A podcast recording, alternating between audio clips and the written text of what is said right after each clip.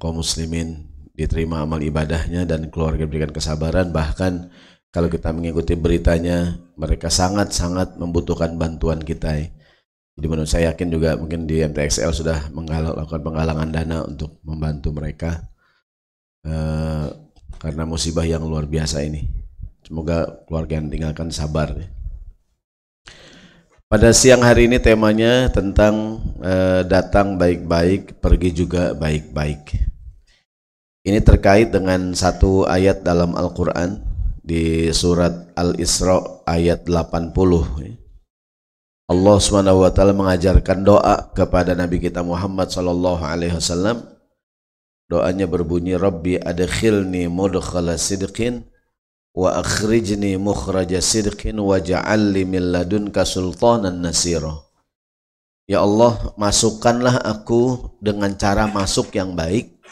Wa akhrijni dan keluarkanlah aku dengan cara keluar yang baik. Jadi kalau masuk masuknya baik-baik kalaupun harus keluar dengan cara yang baik. Pertama ini kalau kita buka buku manasik haji atau kita browsing di dunia maya ini doa banyak orang baca ketika melintasi makom Ibrahim. Sebetulnya ibadah dalam ibadah haji tidak ada doa-doa tertentu gitu. Jadi bahkan ketika tawaf sa'i gitu kan.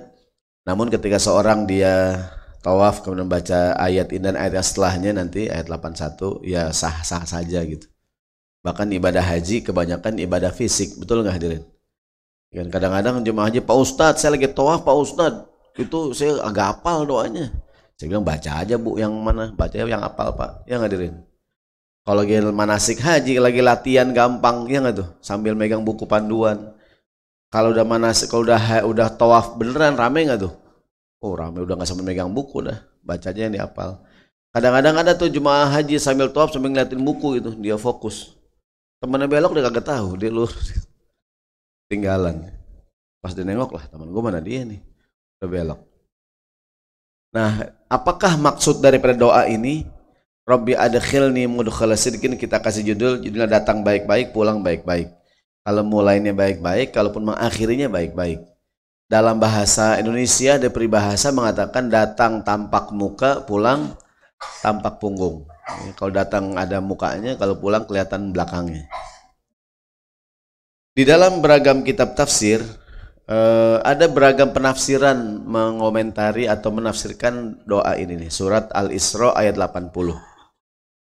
Yang pertama, ada pendapat sahabat Ibnu Abbas. Ibnu Abbas mengatakan doa ini maksudnya adalah seorang masuk ke kuburnya dengan cara yang baik alias meninggalnya husnul khotimah. Yang kedua nanti ketika dibangkitkan dari kubur, dibangkitkan dalam keadaan baik gitu. Ini pendapat yang pertama. Pendapat yang kedua juga masih pendapat sahabat Ibnu Abbas.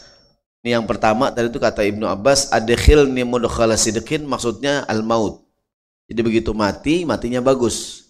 Wa akhrijni mukhraja sidqin yakni al-hayatu ba'dal maut. Bangkitkan aku dalam keadaan baik, maksudnya bangkit dari kuburan dalam keadaan yang baik.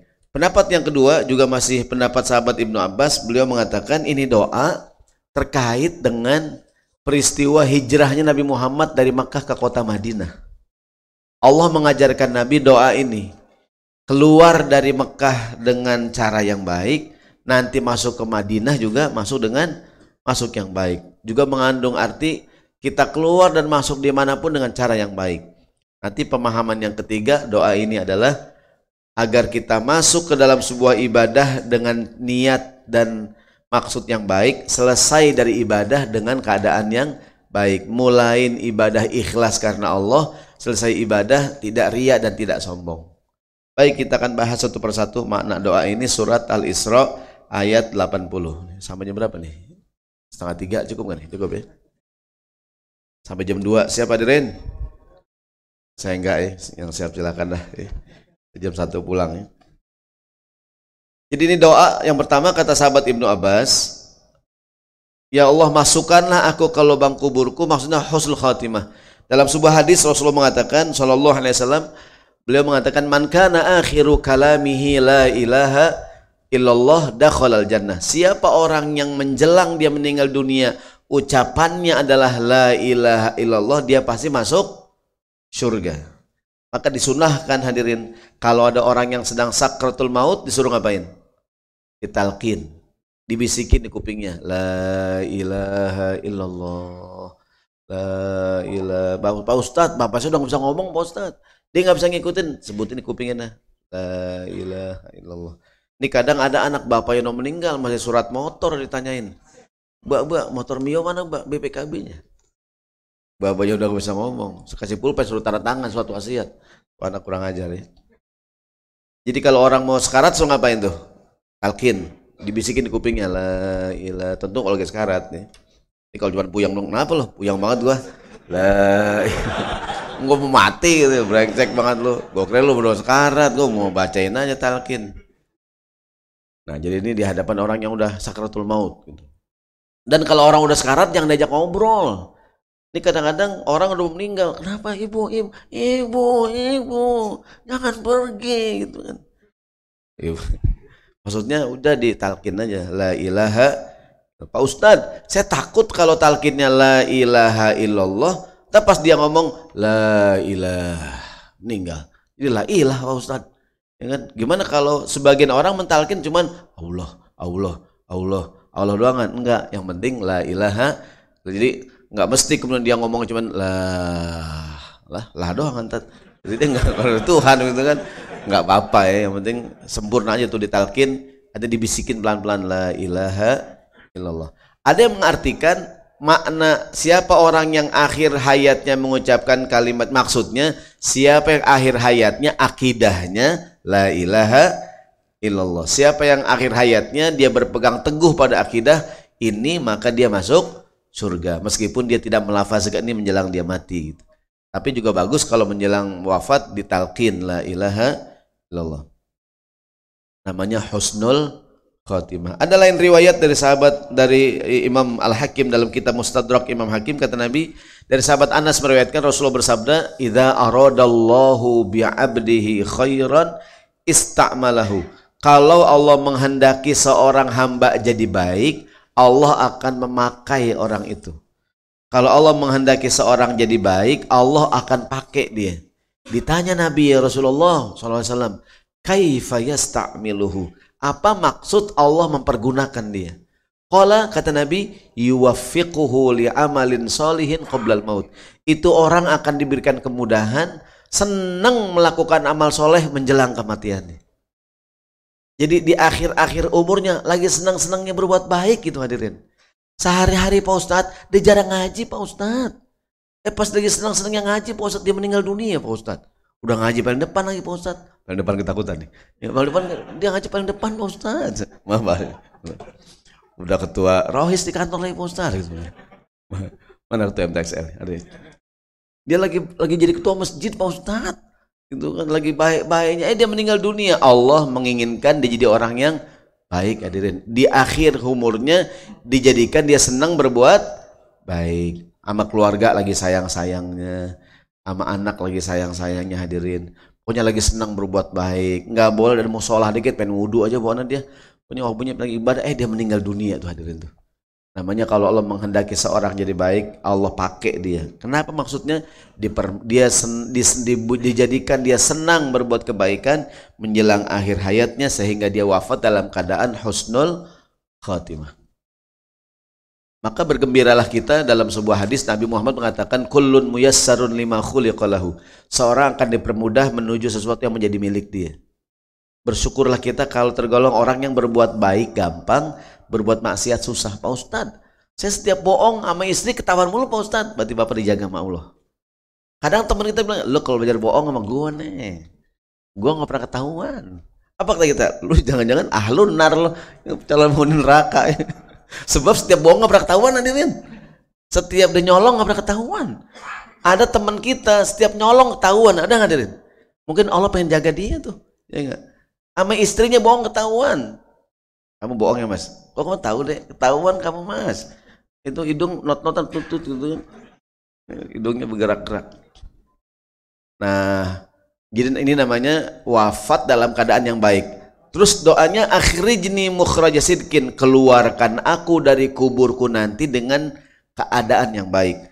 Dalam Al-Quran Allah berfirman Bismillahirrahmanirrahim Wa anna sa'ata atiyatun la raiba Hari kiamat pasti akan datang. La raiba Tidak ada keraguan di dalamnya. Wa annallaha sesungguhnya Allah akan membangkitkan semua orang dari kuburnya masing-masing. Semua orang. Rasulullah mengatakan dalam sebuah hadis kata Nabi dari sahabat Jabir berkata aku mendengar sami'tu an-nabiyya sallallahu alaihi wasallam apa kata Nabi yub'atsu kullu 'abdin ala ma mata alaihi seorang akan dibangkitkan sesuai dengan keadaan waktu dia meninggal. Ada orang yang hobinya ngaji hadirin. Wah tuh dibangkitkan lagi sila begitu tuh. Oh siapa tuh bangkit? Wah rombongan MTX. Ya. Mau hobi yang ngaji yang ngadirin.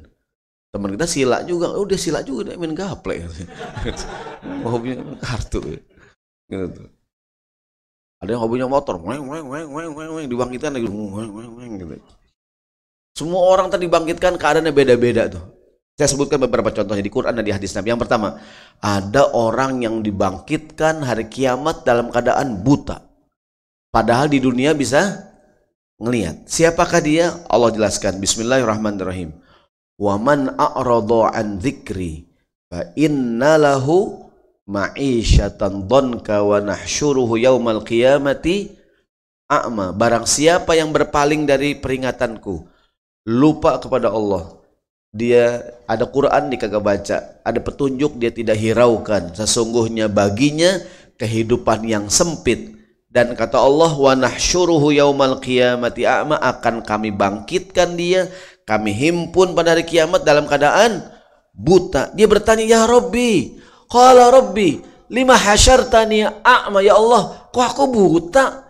Wa qad kuntu basiran di dunia aku bisa ngelihat, kok aku buta sekarang ya Allah?" Allah jawab, "Kadzalika atatka ayatuna fanasitaha wa kadzalika al-yauma tunsa." Dulu di dunia datang kepadamu ayat-ayatku. Kamu tidak perhatikan kamu nggak baca kamu tidak hiraukan kamu masih bodoh. Dan hari ini kamu juga dilupakan. Begitu tuh. Ya, hari kiamat ada orang yang bangkit dalam keadaan buta. Padahal di dunia bisa bisa ngelihat tuh hadirin yang kedua ada orang yang dibangkitkan dalam keadaan miring hadirin. Ada orang dibangkitkan dalam keadaan miring. Siapa nih? Rasulullah bersabda dari sahabat Abu Hurairah mengatakan man kana lahu imra'atani. Siapa laki-laki punya istri lebih dari satu? Amin. Gak ada yang amin nih. Amin ya. Siapa yang punya istri dua?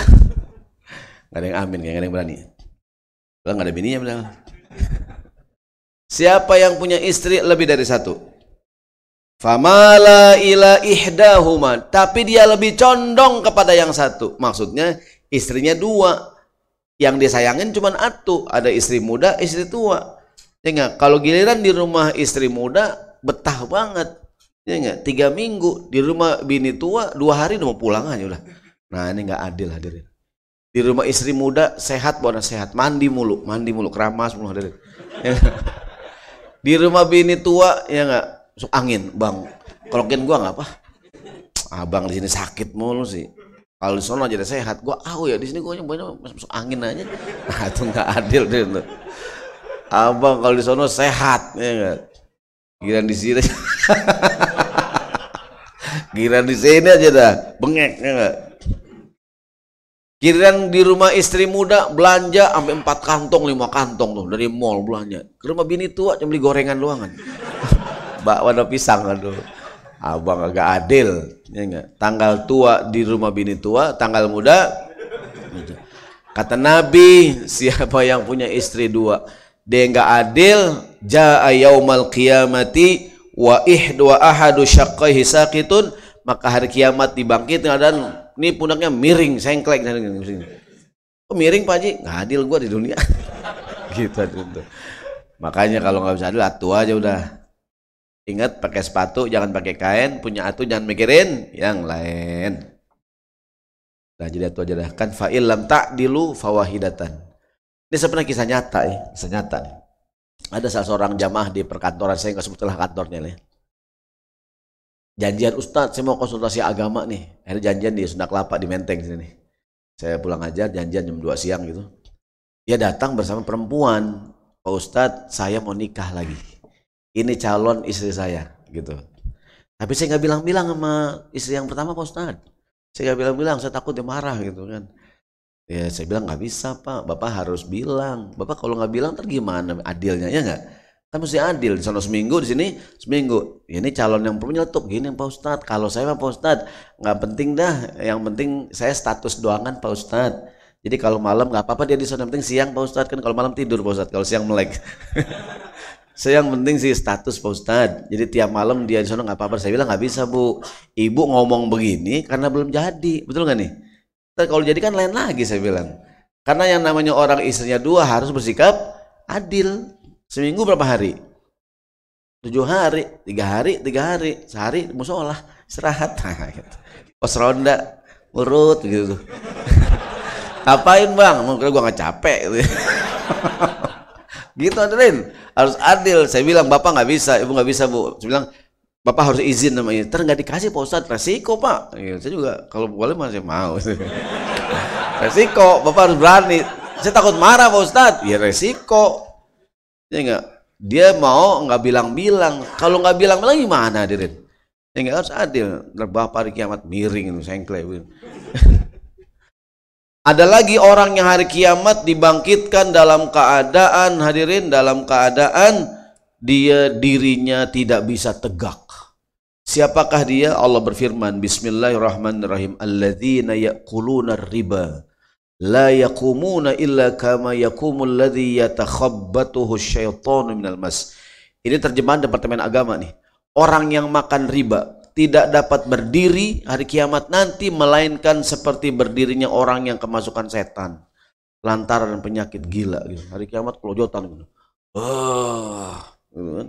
Wah, ya macan, macan gitu. orang kalau kemasukan begitu. Mohon maaf kenapa ya orang kalau kemasukan setan pasti ngomong bahasa Sunda nih, ya. Keseringan gitu, keseringan. Jarang gitu pakai bahasa Betawi gitu. Wah, hajar lo, nggak ada. Saya kan, hei, macan ya aing. kenapa ya saya kita kan pikir kenapa ya? Meskipun yang kemasukan ini Persija nih, meskipun gini kemasukan bahasa Sunda juga dia. Nih selamat kepada Persib juara pramusim. Tapi Persija akan menyusul. Sekarang peringkat ke-6 insya Allah. Jadi orang yang makan duit riba hari kiamat dibangkitkan nggak bisa berdiri tegak, di miring. Ini ini saya ambil terjemahan Departemen Agama tuh. La yatakhob uh, alladzi yatakhabbatuhu syaitonul mas. Yang keempat ada lagi orang yang dibangkitkan hari kiamat bersama orang-orang yang zolim. Siapakah dia? Rasulullah mengatakan siapa yang menjaga sholat dia hari kiamat mendapatkan cahaya penerang keselamatan hari kiamat. Waman lam yuhafiz 'alaiha. Namun siapa yang tidak menjaga salat, maka dia tidak akan mendapatkan laisa lahu nuran wala burhanan wala najatan yaumil qiyamah. Hari kiamat tidak tidak punya cahaya, tidak punya penerang, tidak selamat dan akan dibangkitkan wa yuhsyaru ma'a fir'aun wa haman wa wa qarun dibangkitkan bersama Firaun, Qarun dan Haman dan Ubay ibni Khalaf. Jadi orang yang menyia-nyiakan sholatnya, tidak menjaga sholat. Mudah-mudahan kita semua tergolong orang yang senantiasa menjaga sholat. Ini luar biasa nih di Axiata Tower, dibikin masjid ini bagus ada nih, yang buat kita ibadah ya. Lantai 25 lagi. Ya kan dulu kan lantai dua ini lebih dekat sama Tuhan ini. Lantai 25 nih ya. Luar biasa nih. Ya enggak? Luar biasa ya kan manajemennya luar biasa udah berpikir Biar lebih langsung gitu amin ya. Lebih tinggi. Semoga keuntungan perusahaan lebih besar. Amin. Ya Rabbal Alamin. Pandai itu. nah ini do, makna yang pertama. Kan tadi ada, ada tiga makna. Jadi makna doa yang pertama terkait dengan masuk kubur dan keluar kubur. Jadi pas kita bilang kalau kita sholat bilang nih Rabbi adkhilni mudkhala sidqin ya Allah masukkan aku dengan cara yang baik maksudnya masukin ke kuburan nanti husnul khotimah wa akhrijni mukhraj sidqin keluarkan aku dari kubur dengan cara yang baik, bangkit dalam keadaan baik. Makna yang kedua dari doa ini adalah juga dari sahabat Ibnu Abbas. Beliau mengatakan doa ini maksudnya masuk ke satu tempat dengan cara yang baik dan keluar juga dengan cara yang baik. Alhamdulillah kita punya gedung yang baru nih hadirin. Saya ingat dulu kita udah kita masuk ke gedung ini kita doa bersama ya kan berikan keselamatan. gedung yang lama juga insya kita keluar dengan cara yang baik karena meskipun di gedung benda mati hadirin saya berpikir gedung yang lama di, di sana kan saya yakin Mbak Wabil Khus Bapak Bapak punya kenangan yang luar biasa dengan gedung itu kan? Walaupun dia benda mati hadirin. Ya enggak? Walaupun gak usah kita pegang temboknya ya Allah makasih ya selama ini enggak gitu ya. Tapi perlakukanlah dengan baik hadirin. Kalau kita masuk masuknya bersih keluarnya juga bersih gitu. Walaupun dia benda mati kan Nabi mengatakan rumah yang dibacakan surat Al-Baqarah ya nggak tuh? Ya kan dijauhkan dari gangguan setan begitu kata Nabi. Dia benda mati tapi masuknya juga ada adabnya keluarnya juga ada adabnya. Ini doa kata sahabat Ibnu Abbas terkait dengan ketika Nabi kita Muhammad dan Ani bin Abbasin qala. Ibnu Abbas mengatakan karena Nabi di Makkah. Dulu Nabi tinggal di kota Makkah. Di awal mula dakwah Islam kan? Thumma umira bil hijrah. Kemudian hijrah ke kota Madinah. Turunlah ayat ini wa qur rabbi adkhilni mudkhala sidqin. Ya Allah masukkan aku dengan cara yang baik masuk ke Madinah dengan cara yang baik dan keluar dari Mekah juga dengan cara yang baik. Saya tanya sekarang mengapa Nabi kita Muhammad Shallallahu Alaihi Wasallam keluar dari kota Mekah? Beliau lahir di Mekah besar di Mekah jadi Nabi di Mekah mengawali dakwahnya di Mekah. Betul nggak tuh? Karena mungkin orang Mekah waktu itu apa namanya uh, kurang bersahabat lah gitu kan. Uh, intimidasi segala macam. Sahabat ditangkap dibunuhi bahkan ada yang disakitin. Nabi nggak tega Nabi mengizinkan sahabat dalam rangka menjaga keyakinan akidahnya hijrah ke kota Madinah gitu maka kalau saya tanya kenapa uh, Nabi Muhammad kenapa keluar dari kota Mekah mempertahankan akidah maka alasan keluar dari Mekah bagus nggak tuh Bagus, ya kan? Keluar dengan alasan menjaga contoh begini. Ada orang keluar dari kerjaan, ada nggak tuh? Saya Pak, kok anak Bapak keluar dari kerjaan itu? Kan udah enak Pak, gajinya bagus, gitu kan? Ini Pak Ustadz, anak saya di tempat kerjanya nggak bisa sholat Pak Ustadz. Ada nggak tuh? Dia nggak bisa ibadah Pak Ustadz. Orang dia sholat nyolong-nyolong waktu Pak Ustadz. Lagi anak saya kan e, perempuan, pakai jilbab, nggak boleh pakai jilbab Pak Ustadz. Dilarang Pak Ustadz akhirnya demi mempertahankan agama dia keluar dah ada nggak begitu dengan tuh berarti dia keluar dengan alasan yang baik begitu tuh tapi saya tanya ada nggak orang keluar kerja dengan alasan yang tidak baik ada juga mungkin bu kenapa bu anaknya keluar bu dari kerjaan anak saya nyolong bu Ustad ada nggak tuh dia pulang kantor apa aja dibawa pulang bu Ustad segala sapu dikandutin kantong bu Ustad Penting pulang kantor terakhir Pak Ustad, apa dibawa pulang Pak Ustad? Segala kertas kantor dibawa pulang. Ya enggak? Bukan sini bukan? Spidol, ngapus, apa aja Pak Ustaz? Karpet digulung. eh ketahuan bosnya Pak Ustaz, di dipecat. Ada nggak kita hadirin tuh? Ya enggak? Berarti keluarnya dengan dengan keluarnya dengan apa tuh? Dengan alasan yang tidak baik, maka berdoalah kita di mana pun kita hadir, di mana pun kita datang. Bukan masalah masuk, bukan masalah keluar. Yang penting keluarnya, masuknya baik. Kalaupun harus keluar dengan cara yang baik, hadirin. Jadi katakanlah saya sebagai guru ngaji gitu, saya masuk ke kantor ini ke MTSL dengan cara yang baik. Gitu. Mungkin ya namanya mungkin sekarang mungkin uh, diganti musat yang lain hadirin. Sekarang persaingan ketat ini. Ya. Sekarang zamannya Ustadz Somad ini 2018 tahunnya Nisa Sabian dan Ustadz Somad. Ya hadirin.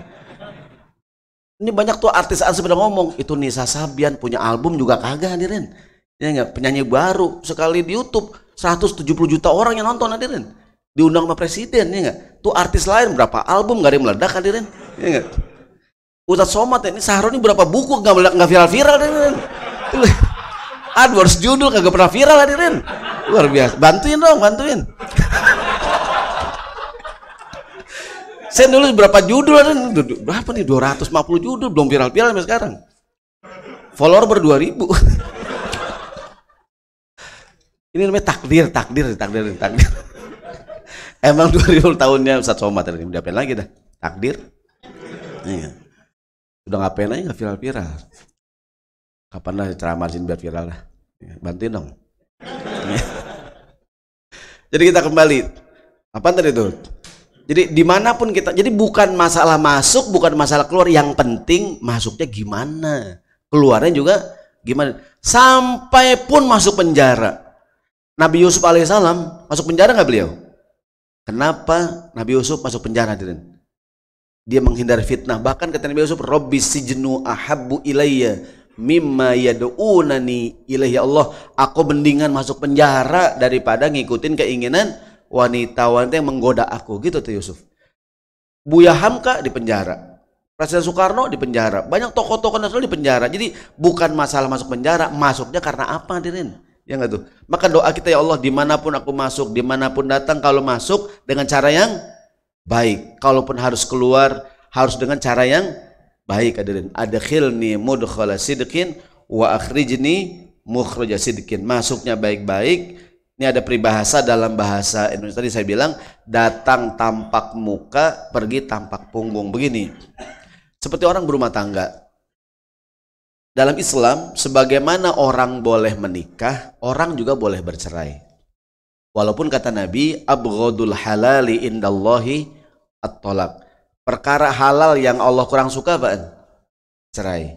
Tapi yang namanya orang di satu udah nggak bisa mau dipaksa hadirin. Ya Dia boleh bersatu tapi juga boleh bercerai walaupun kalau bisa dihindari perceraian. Tapi kalau kalau mulainya baik-baik, kalaupun harus bercerai hendaknya dengan cara yang baik juga dong gitu. Ya enggak? Allah berfirman dalam Al-Qur'an, "Fa idza talaqtumun nisaa fatalli eh, fa idza wa idza talaqtumun nisa fabalagna ajalahunna faamsikuhunna bima'rufin aw sarrihuhunna bima'ruf kalau engkau menceraikan istrimu lakukan dengan cara yang baik. Kalau masa idahnya hampir habis kalau mau dirujuk rujuklah dengan cara yang baik. Kalau seandainya mau diceraikan ceraikan dengan cara yang baik hadirin. Jangan seorang laki-laki menikah dengan istrinya awalnya baik-baik kemudian bininya ditinggal hadirin. Ada nggak tuh? Kadang-kadang ada ibu-ibu yang curhat Pak Ustadz kenapa Bu? Saya kalau dibilang punya suami kagak diurusin Pak Ustadz. Dibilang janda masih punya suami dia ngasih kode kayaknya saya nggak peduli gitu ya. Saya kalau dibilang janda masih punya suami Pak Ustadz. Kalau dibilang saya punya suami kagak diurusin gimana ya Pak Ustadz? Bilang aja ah Bu seperti aja dah. Ini kan. Maksudnya kesian hadirin orang digantung ada nggak tuh? Kalau emang udah nggak suka cerain hadirin. Dengan cara yang baik gitu karena kesian tuh perempuan, Pak Ustadz, saya masih banyak yang mau saya sama, sama saya Pak Ustadz. Cuman suami jahat Pak Ustadz, saya digantung begini nih. Ada laki-laki yang ngelamar perempuan, udah dilamar. Kalau nggak jadi, bilang hadirin. Ini perempuan kadang dilamar doang kan digantung, ada nggak tuh? Jemuran digantung kering, ya hadirin. Kesian perempuan dijanjiin doang kan, kalau jadi, jadi. Kalau enggak, baik ini kadang-kadang yang dilamar siapa, yang nikah sama siapa, ada nggak tuh? Ya enggak, saya Pak Ustadz, ada laki-laki tega banget, saya yang dilamar nikah sama perempuan lain Pak Ustadz. Kurang asem tuh laki-laki. Jadi kalau kalau jadi jadi, kalau nggak jadi nggak jadi, tapi lakukan dengan cara yang baik hadirin. Jangan digantung, jangan digantung. Sarrihuhun nabi ma'rufin uh, uh, kalau rujuk amsikuhun nabi kalau dipegang dengan baik atau dilepas dengan cara yang cara yang baik. Mulainya baik, akhirnya baik.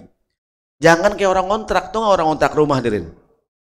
Ada orang kontrak rumah tuh begitu awal kontrak ngomongnya bagus kan nih? Assalamualaikum Pak Haji. Saya pengen banget Pak Haji tinggal di sini. Ada nggak tuh?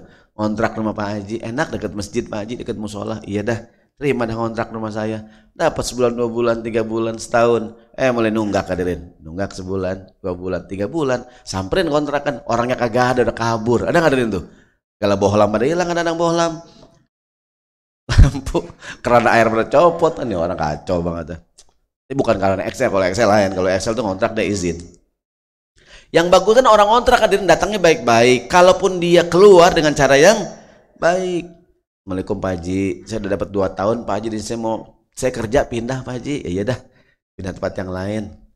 Ini Pak Haji, saya mau pindah tuh saya punya kulkas saya nggak bawa Pak Haji. Ya bagus dah. Sama dispenser saya tinggal Pak Haji, sama rice cooker, sama mesin cuci. Ada yang begitu? Gak ada. Gak ada hadirin. Orang bohlamnya dibawa apalagi itu. Tapi bagus begitu yang bagus hadirin. Datangnya baik, perginya baik. Ini jadi jadi biasakan gitu, biasakan. Datang tak kalau kita kondangan, kita kondangan nih. Orang kadang kondangan bagus nggak tuh ngisi buku tamu, ya nggak? Ngisi buku tamu, selamat ya pengantin, selamat ya, selamat kan makan dah. Udah kenyang-kenyang pulang dah, jeruk tiga dikantongin. Aduh kacau banget hadirin. Pokoknya kalau pulang kondangan izin hadirin. Saya dulu sama begitu juga. Sekarang udah tobat sejak baca ayat ini nih. Sekarang kalau kondangan saya makan, Pak Haji saya pamit ya. Ya makasih Pak Ustadz. Gitu hadirin. Ini pulang-pulang nggak bilang-bilang. Padahal yang punya rumah mau ngasih kita jeruk pisang sesisir hadirin. Lah Tasaro ini mana? Dia udah nggak ada nih. Gue mau kasih pisang sesisir udah nggak ada. Jadi kita namanya belajar adab. Kita punya anak nih. Ayah, aku mau nginep di rumah temanku. Boleh nak. Tapi kalau kamu nginep rumah teman kamu, izin sama orang tuanya. Ya hadirin. Temuin orang tuanya. E, Om, saya mau nginep teman sekolahnya kali kan. Saya mau nginep, ya nginep dah, nggak apa-apa gitu. Apa mau pulang bilang. Jangan pulang nggak bilang-bilang. Teman kamu mana? Udah pulang ya? Nggak bilang-bilang. Waduh. Ajarin tuh. Ya enggak, kalau mau pulang bilang, Pak Haji, saya mau pulang makan pulang gitu. Nggak ada ongkos Pak Haji, naik ojek. Begitu bilang. Jadi jadi jangan sampai datang tak diundang, pulang tak diantar hadirin. Ya maunya datangnya baik. Ini dalam hal apa pun makan doa bagus banget tuh. Kita amalkan tuh ya Allah. Aku masuk ke kantor ini awalnya baik. Ada orang masuk kerja caranya baik. Ada nggak tuh? Dia tes, diterima, interview, bagus hadirin. Mungkin dia selesai tugas, mungkin harus dia harus kuliah lagi. Mungkin ada ya namanya manusia yang hadirin. Kalau kau masuknya baik, keluar baik-baik gitu. Jangan masuknya baik, begitu keluar mohon maaf menceritakan begini, mem katakan membongkar aib perusahaan segala macam, ngapain hadirin? Ya enggak? Kayak orang suami istri, dia bersatu. Kalaupun bercerai udah hadirin diam. Ya enggak? Jangan begitu cerai gue kapok nih kahamannya gue gue ya Allah gue dipelet dipelet gue dipelet gue nih kan kayaknya pakai dukun dia tuh gue kenapa ya lu mau sama dia ya ah itu nggak boleh hadirin kalau bersatu baik kalaupun bercerai udah hadirin jaga rahasia masing-masing betul nggak tuh Jangan begitu udah selesai, oh menceritakan segini segala macam tuh gak baik nih. Jadi datang tampak muka. Sekarang kayak grup WhatsApp, ada nggak ada grup WhatsApp? Kita masuk ke grup WhatsApp baik-baik ada masukin dong nama aneh. Grup WhatsAppnya hadirin. Masuk eh begitu live nggak bilang-bilang, ada hadirin? Ribut-ribut masalah capres cawapres yang ada nih, debat-debat gitu kan, panas-panas panas live. Ya aduh kacau. Cemen cemen hadirin. Cemen cemen hadirin ya enggak apa kayak bilang maaf ya saya live nih karena HP error standar dah ya enggak ya kan klasik hadirin walaupun dia bohong nggak apa-apa dah. Paling nggak bilang hadirin jangan masuknya masuk minta izin begitu pulang keluar nggak bilang-bilang maka diberlaku doa dalam segala keadaan apa pun masuknya baik-baik selesai juga baik-baik kita ke rumah orang ke pekerjaan ke kantor ke dalam sebuah bisnis hadirin kita bisnis awalnya baik hadirin kenapa sekarang ada masalah kita saling bubar hadirin Ya enggak? Kalau emang kita mau mau berpisah, berpisah dengan cara yang gentleman ngomong baik-baik gitu. Ya kan? Ada khilni mudkhala sidqin wa akhrijni mukhraja sidqin. Makna yang ketiga kata kata para ulama ini saya ambil dari di, di apa di Quran tafsir Departemen Agama. Yang tadi yang kedua tuh tadi kayak orang pergi haji tuh. Orang pergi haji masuk ke Mekah kan tawaf kudum, ya enggak tawaf kedatangan. Pas pulang tawaf apaan? Wah, ada perpisahan. Jadi ada assalamualaikumnya, ada izin, ada, ada izin, ada pamit gitu tuh. Ada khilni mudkhala sidikin wa akhrijni ukhraja sidikin. Kemudian yang terakhir kata uh, para ulama eh, terkait dengan masuk ke dalam satu ibadah. Masuk ke dalam satu ibadah dengan cara yang baik. Ini kata para ulama makna lain dari doa ini adalah memohon kepada Allah supaya kita memasuki satu ibadah dengan niat yang baik dan selesai dari ibadah juga dengan keadaan yang baik. Awalnya ibadah dengan ikhlas, selesai ibadah tidak ria, tidak sombong yang bisa merusak pahala amal perbuatannya. Kita sholat, buat siapa kita sholat? Inna sholati wa nusuki wa mahyaya wa mamati lillahi rabbil Sholatku, ibadahku semuanya untuk Allah Begitu takbir nih, Allahu Akbar buat Allah. Selesai sholat juga hadirin, itu tidak riak, tidak sombong gitu. Jadi awal sholatnya bagus, selesai juga bagus. Jangan udah sholat bang, nah gua udah dong, gua tahu sendiri, gua sembahyang nomor satu. Gua belum aja udah sembahyang. Gua dari lahir udah sembahyang. Waduh, lagu banget hadirin, sombong dia. Pergi haji umroh buat siapa? Wa atimul hajja wal umrota lillah. Ya enggak? haji umroh karena Allah berangkat haji karena Allah. pulang haji juga jangan sombong hadirin ini pulang haji lain saat gitu kan Pak es jangan Pak dong Pak Haji Pak Haji Pak Haji ente nulis namanya jangan Roni jangan Haji Roni sekarang haji. Tiga kali haji. Hahaha tiga haji. Nah, jadi sombong hadirin gue haji tiga kali hahaha dong.